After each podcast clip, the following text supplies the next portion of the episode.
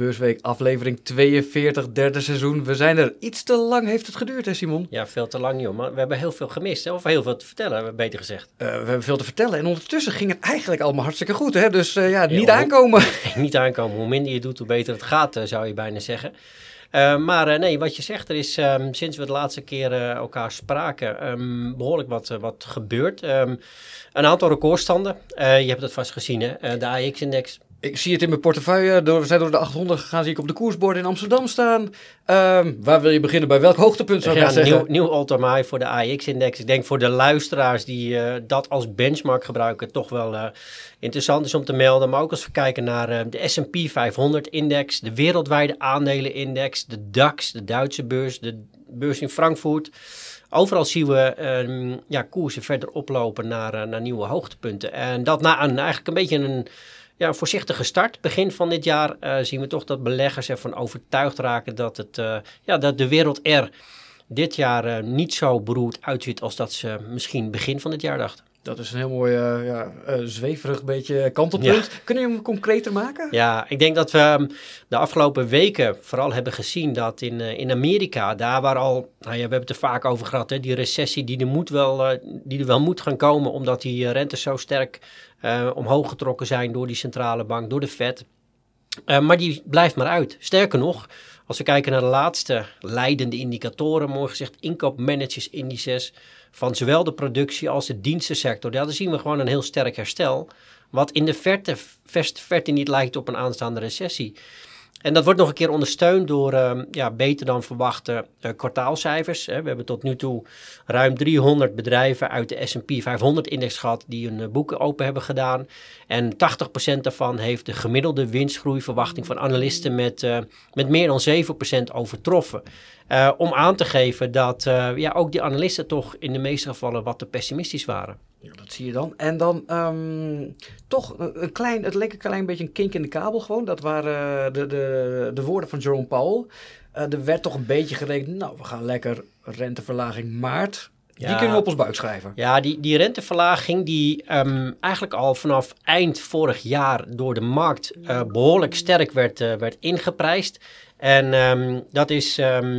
Uh, wel iets wat de afgelopen weken toch echt wel heel duidelijk wat, uh, wat naar beneden is bijgesteld door de markt. En dat heeft te maken met uh, de uitspraken die hij gedaan heeft tijdens de laatste, of in eigenlijk uh, als, uh, als uh, verklaring bij de laatste beleidsvergadering van, van 1 februari, was het even uit mijn hoofd.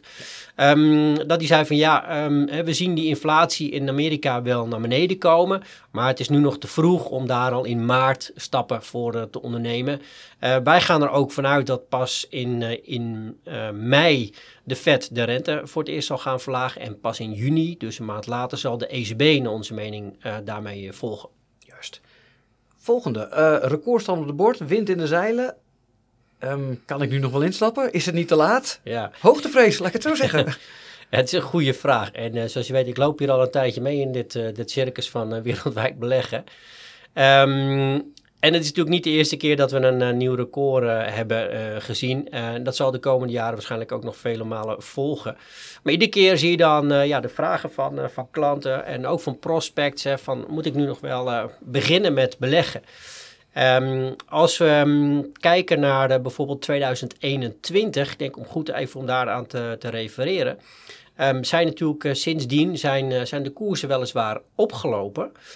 Um, maar we zien ook dat de winsten van bedrijven, en dat is natuurlijk hè, de basis van beleggen, dat de winsten van bedrijven gemiddeld genomen nog veel harder zijn gestegen. Kortom, sinds um, uh, begin 2021 zijn um, de waarderingen voor wereldwijde aandelen 16% lager geworden.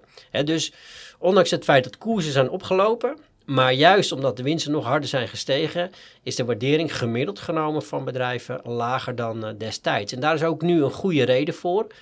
Um, uh, dat, die dat die waarderingen nog wat verder op kunnen lopen. En dat heeft alles te maken met de verwachting voor de rente. Zoals gezegd denken we dat hè, de centrale banken, de belangrijkste, de Fed en de ECB, in de loop van dit jaar die, uh, die rentes zullen gaan verlagen. En dat geeft dan weer ruimte voor wat, nog wat hogere waarderingen. Juist, dus de boot gemist? Absoluut niet. Nee, um, zeker niet. En ook als je al belegd bent, ja, blijf gewoon uh, lekker zitten. En er zal echt wel weer een keer een periode komen. Hè, wat, wat je zou kunnen bedenken is dat inflatiecijfers die de afgelopen maanden echt wel een hele sterk dalende trend lieten zien, dat daar af en toe weer even een kink in de kabel lijkt te komen. Maar wat ons betreft is die desinflatietrend, dus die lagere inflatietrend, niet uh, ter discussie. Uh, die zal doorzetten met uiteindelijk ook lagere rentes. Maar dat zal niet in één lijn gaan. Helder, waarvan akte. Um, je noemde net al even uh, bedrijven, hè, de winst van bedrijven kwartaalcijfers. We zitten een beetje in het staartje van het cijferseizoen inmiddels. Ja, um, voor wat Amerika, kun je erover zeggen? Ja, voor Amerika wel. Hè. Daar zijn we ook al wat eerder begonnen. Europese bedrijven volgen dan vaak wat uh, later. Daar zien we nu ook uh, de nadruk op. Met, ja, met soms een, een, positieve en soms een negatieve uitschieter. En wat mij opvalt is, nou, zoals gezegd, gemiddeld genomen... Uh, zeker voor de belangrijkste beurs van de wereld, de S&P, dat die bedrijven uh, beter hebben gepresteerd. Soms ook uh, hele goede verwachtingen afgeven, zoals bijvoorbeeld bij Meta-platforms of bij Amazon uh, of bij Palantir of bij bedrijven die vooral zich bezighouden met artificial intelligence, of het nou software is of hardware. Maar soms ook, ook wat tegenvallers, hè, waar de koersen van bedrijven worden afgestraft op het moment dat ze niet kunnen voldoen aan, aan de verwachting. Dus de selectie van, uh, van bedrijven is nog steeds heel erg belangrijk. Waarbij wij op dit moment nog steeds een volker hebben voor, ja, een hele duidelijke volker wil ik zeggen, voor groeiaandelen uit de sectoren IT, communicatiediensten, daar waar ook Meta in, in onder valt. Uh, en duurzame consumentengoederen, waar onder andere Amazon uh, onderdeel van uitmaakt. Ja, Meta, je noemt ze nu twee keer. Uh, misschien wel het meest opvallende van het kwartaalcijferseizoen, vond ik althans. er wordt dividend uitgekeerd. Het is geen vetpot, maar het is een begin. Ja, en dat is denk ik wel een hele mooie ontwikkeling. Hè. We hebben dat in het verleden gezien bij Microsoft. Um, bedrijf wat heel lang groeide en elke dollar die ze verdienden investeerde in nieuwe producten, in, in groei. Uh, en uiteindelijk ook um, dividend begonnen uit te keren, net als bijvoorbeeld bij Apple. Uh, dus ja, dan kom je in een wat volwassenere fase. En dat betekent ook dat andere beleggers die um, als voorwaarde hebben dat een bedrijf dividend uit moet keren, ja, ook toegang um, zullen vinden tot, uh, tot bijvoorbeeld een, een, bedrijf als, als Meta. Dus je krijgt ook een wat breder publiek en dat is natuurlijk ook wel interessant om uh, te zien. Inderdaad. nog eventjes alleen nog over die cijfers en over inderdaad de groeiaandelen. Nou, vorig jaar werd natuurlijk de markt getrokken door hè, de Magnificent Seven. Seven de, ja. je noemde net al inderdaad Apple, Meta, of Amazon noemde ja. je inderdaad. Apple had er iets minder, uh, ja. iets minder bericht kwamen die mee. Tesla ook, viel ook tegen. Viel ook tegen inderdaad. Nvidia krijgen we nog als ik me niet vergis. ja, het blijft dus wel inderdaad, de Magnificent Seven blijft wel gewoon de Magnificent Seven? Of moeten we zijn namen gaan wegstrepen? Het, het, zijn, het zijn er nu vijf, uh, ja. inderdaad. Hè, als je kijkt naar de, de koersperformance. Ik denk dat ook uh, een beetje, daar ook de diversificatie ook wel een beetje gaat optreden. Als je kijkt naar Tesla in het bijzonder, dan uh, snap je ook dat hè, de concurrentie van nou ja, uh, elektrische auto's uit China uh, een part speelt. Je ziet ook toch de politiek die uh, het rijden van ja, elektrische auto's, auto's wat minder interessant begint te maken. Dat speelt ook allemaal mee. Hè? Dus ja, je moet je daar niet helemaal blind op staren. En, en ook wat ik zei al, selectief blijven. Ook al gaat het om een sector als IT, zie je hele grote verschillen. Juist. Nou ja, het is een, denk ik een naadloos bruggetje. We zagen Apple met een tegenvaller op de Chinese markt. Tesla meldde ongeveer hetzelfde. De Chinese markt. Hoe gaat het bij de op één na grootste economie ter wereld? Ja, de economie, um, volgens de officiële cijfers, gaat best aardig. Hè? Een groei van 5% uh, vorig jaar. Precies in uh, lijn met wat de regering in Beijing of in Peking, wat zij wilde. Voor dit jaar verwachten we een iets lagere groei. Maar wat natuurlijk opvalt, is dat de Chinese beurs al jarenlang uh, onder druk staat en, um, en maar niet uh, lijkt te herstellen. Um, dat heeft wat ons betreft voor een belangrijk deel te maken vooral met vertrouwen bij ten eerste de Chinese consument, de inwoners in China die ook de, ja, de maatregelen zoals die de regering heeft getroffen nu om de vastgoedbubbel zeg maar, te ondersteunen met ja, een beetje wantrouwen nakijkt. Je ziet ook dat de aankondigingen van wat um, lagere rentes, uh, wat steun voor de, de financiële markten, de aandelenmarkten, uh, dat die ja, langzaamaan wat beter beginnen uh, te worden opgepikt. Maar het is vooral een kwestie van vertrouwen. ik moet wel zeggen dat we echt wel een beetje met een schuin oog kijken naar die Chinese markt. Want ik denk wel hè, dat er binnenkort een momentje komt. En misschien is het afgelopen week al geweest dat je iets van een draai kunt vinden. Hè. Juist op het moment dat iedereen super negatief is, niemand wil in China beleggen, zo lijkt het wel. Ja, dan zijn vaak de waarderingen ehm, laag en aantrekkelijk. En moet je iets verder vooruit kunnen kijken. In de gaten houden dus voor uh, de belegger die misschien een risicootje durft te lopen daar. Absoluut. Oké. Ehm, zijn er nog andere dingen die jou in de afgelopen toch paar weken hebben we elkaar niet gezien? Nee, uh, wat ik wel aardig vind om te melden is dat als we kijken naar onze eigen beleggingsstrategieën, dat we in ieder geval het jaren goed zijn uh, gestart. En wat we ook zien is dat de inflows, dus de stroom van nieuwe klanten, behoorlijk is geweest. Ik moet wel zeggen dat dat eind vorig jaar, ja, voor wat voor reden ook, kan ook een beetje fiscaal gedreven zijn. Dat we iets van outflow hebben gezien aan de, de performance had niet hebben gelegen. Um, maar wat mij verder opvalt is dat heel veel analisten, economen best wel wat positief, positiever beginnen te worden. Maar als je kijkt naar de positionering bij heel veel beleggers, ook professionele beleggers, ja, dan is die nog niet in lijn met dat wat betere ja, sentiment, dat optimisme. En dat sterkt mij een beetje in de verwachting dat die rally zoals we die nu hebben gezien best nog eens wat, wat langer kan aanhouden.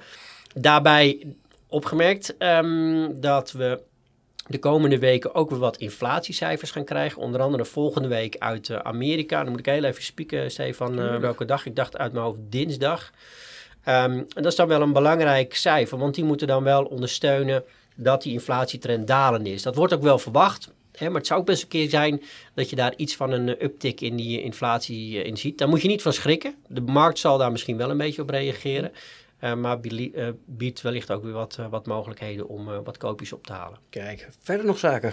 Um, nou, dan heb ik denk ik het belangrijkste cijfer voor volgende week meteen al genoemd. We hebben um, dus dinsdag die inflatiecijfers uit de VS. Dan krijgen we groeicijfers woensdag van de eurozone. Eerste schatting van de vierde kwartaal groeicijfers. Allemaal een beetje achteruit kijken. Ik vind het ook wat minder, minder spannend. Hetzelfde geldt voor Japanse groeicijfers. Um, voor het vierde kwartaal en die uit het VK. Die zijn dan op donderdag. Um, dan hebben we donderdagmiddag uit Amerika cijfers over de winkelverkoop in januari. En die vind ik wel belangrijk omdat die aangeven wat de kracht op dit moment is van die Amerikaanse consument. We hebben gezien dat die arbeidsmarkt super sterk is, veel sterker dan uh, verwacht. Al twee maanden lang veel meer nieuwe banen dan, uh, dan verwacht. Ook het aantal openstaande vacatures wat maar niet lijkt te dalen. Uh, maar geven ze ook geld uit. En dat is natuurlijk waar de economie op draait. Dus dat willen we dan donderdag bevestigd zien. En dan vrijdag tenslotte PPI-cijfers, producentenprijsinflatiecijfers uit de VS. Um, om, uh, om mee af te sluiten. En ja, een hele reeks nog aan uh, kwartaalcijfers in de loop van de week. Zeker. Heb je nog een paar hoogtepunten erbij staan? Ja, pak er een paar uit. Coca-Cola dinsdag is toch ook wel een, uh, nou ja, een, een, een grote bekende. Heineken en ABN AMRO Bank onder andere op, op woensdag samen met Koninklijke Ahold Delhaize. dan kijk ik naar donderdag hebben we DSM Firmenich aandeel het vorige slecht gedaan. Misschien dat ze met hun kwartaalcijfers daar een oppepper aan kunnen geven. Uh, Relax uh, komt ook donderdag. En dan uh, kijk ik vrijdag nog even naar bijvoorbeeld Swiss Re en Eni. als um, wat grotere namen in, het, in ons universum. Juist. Simon, ik denk dat het weer goed is dat we weer bij elkaar zijn gekomen. Laten we afspreken dat de volgende keer dat er wat minder tijd tussen zit. Zeker. Laten we gewoon volgende week doen. Ik zie jou volgende week weer. Oké, okay, tot volgende week.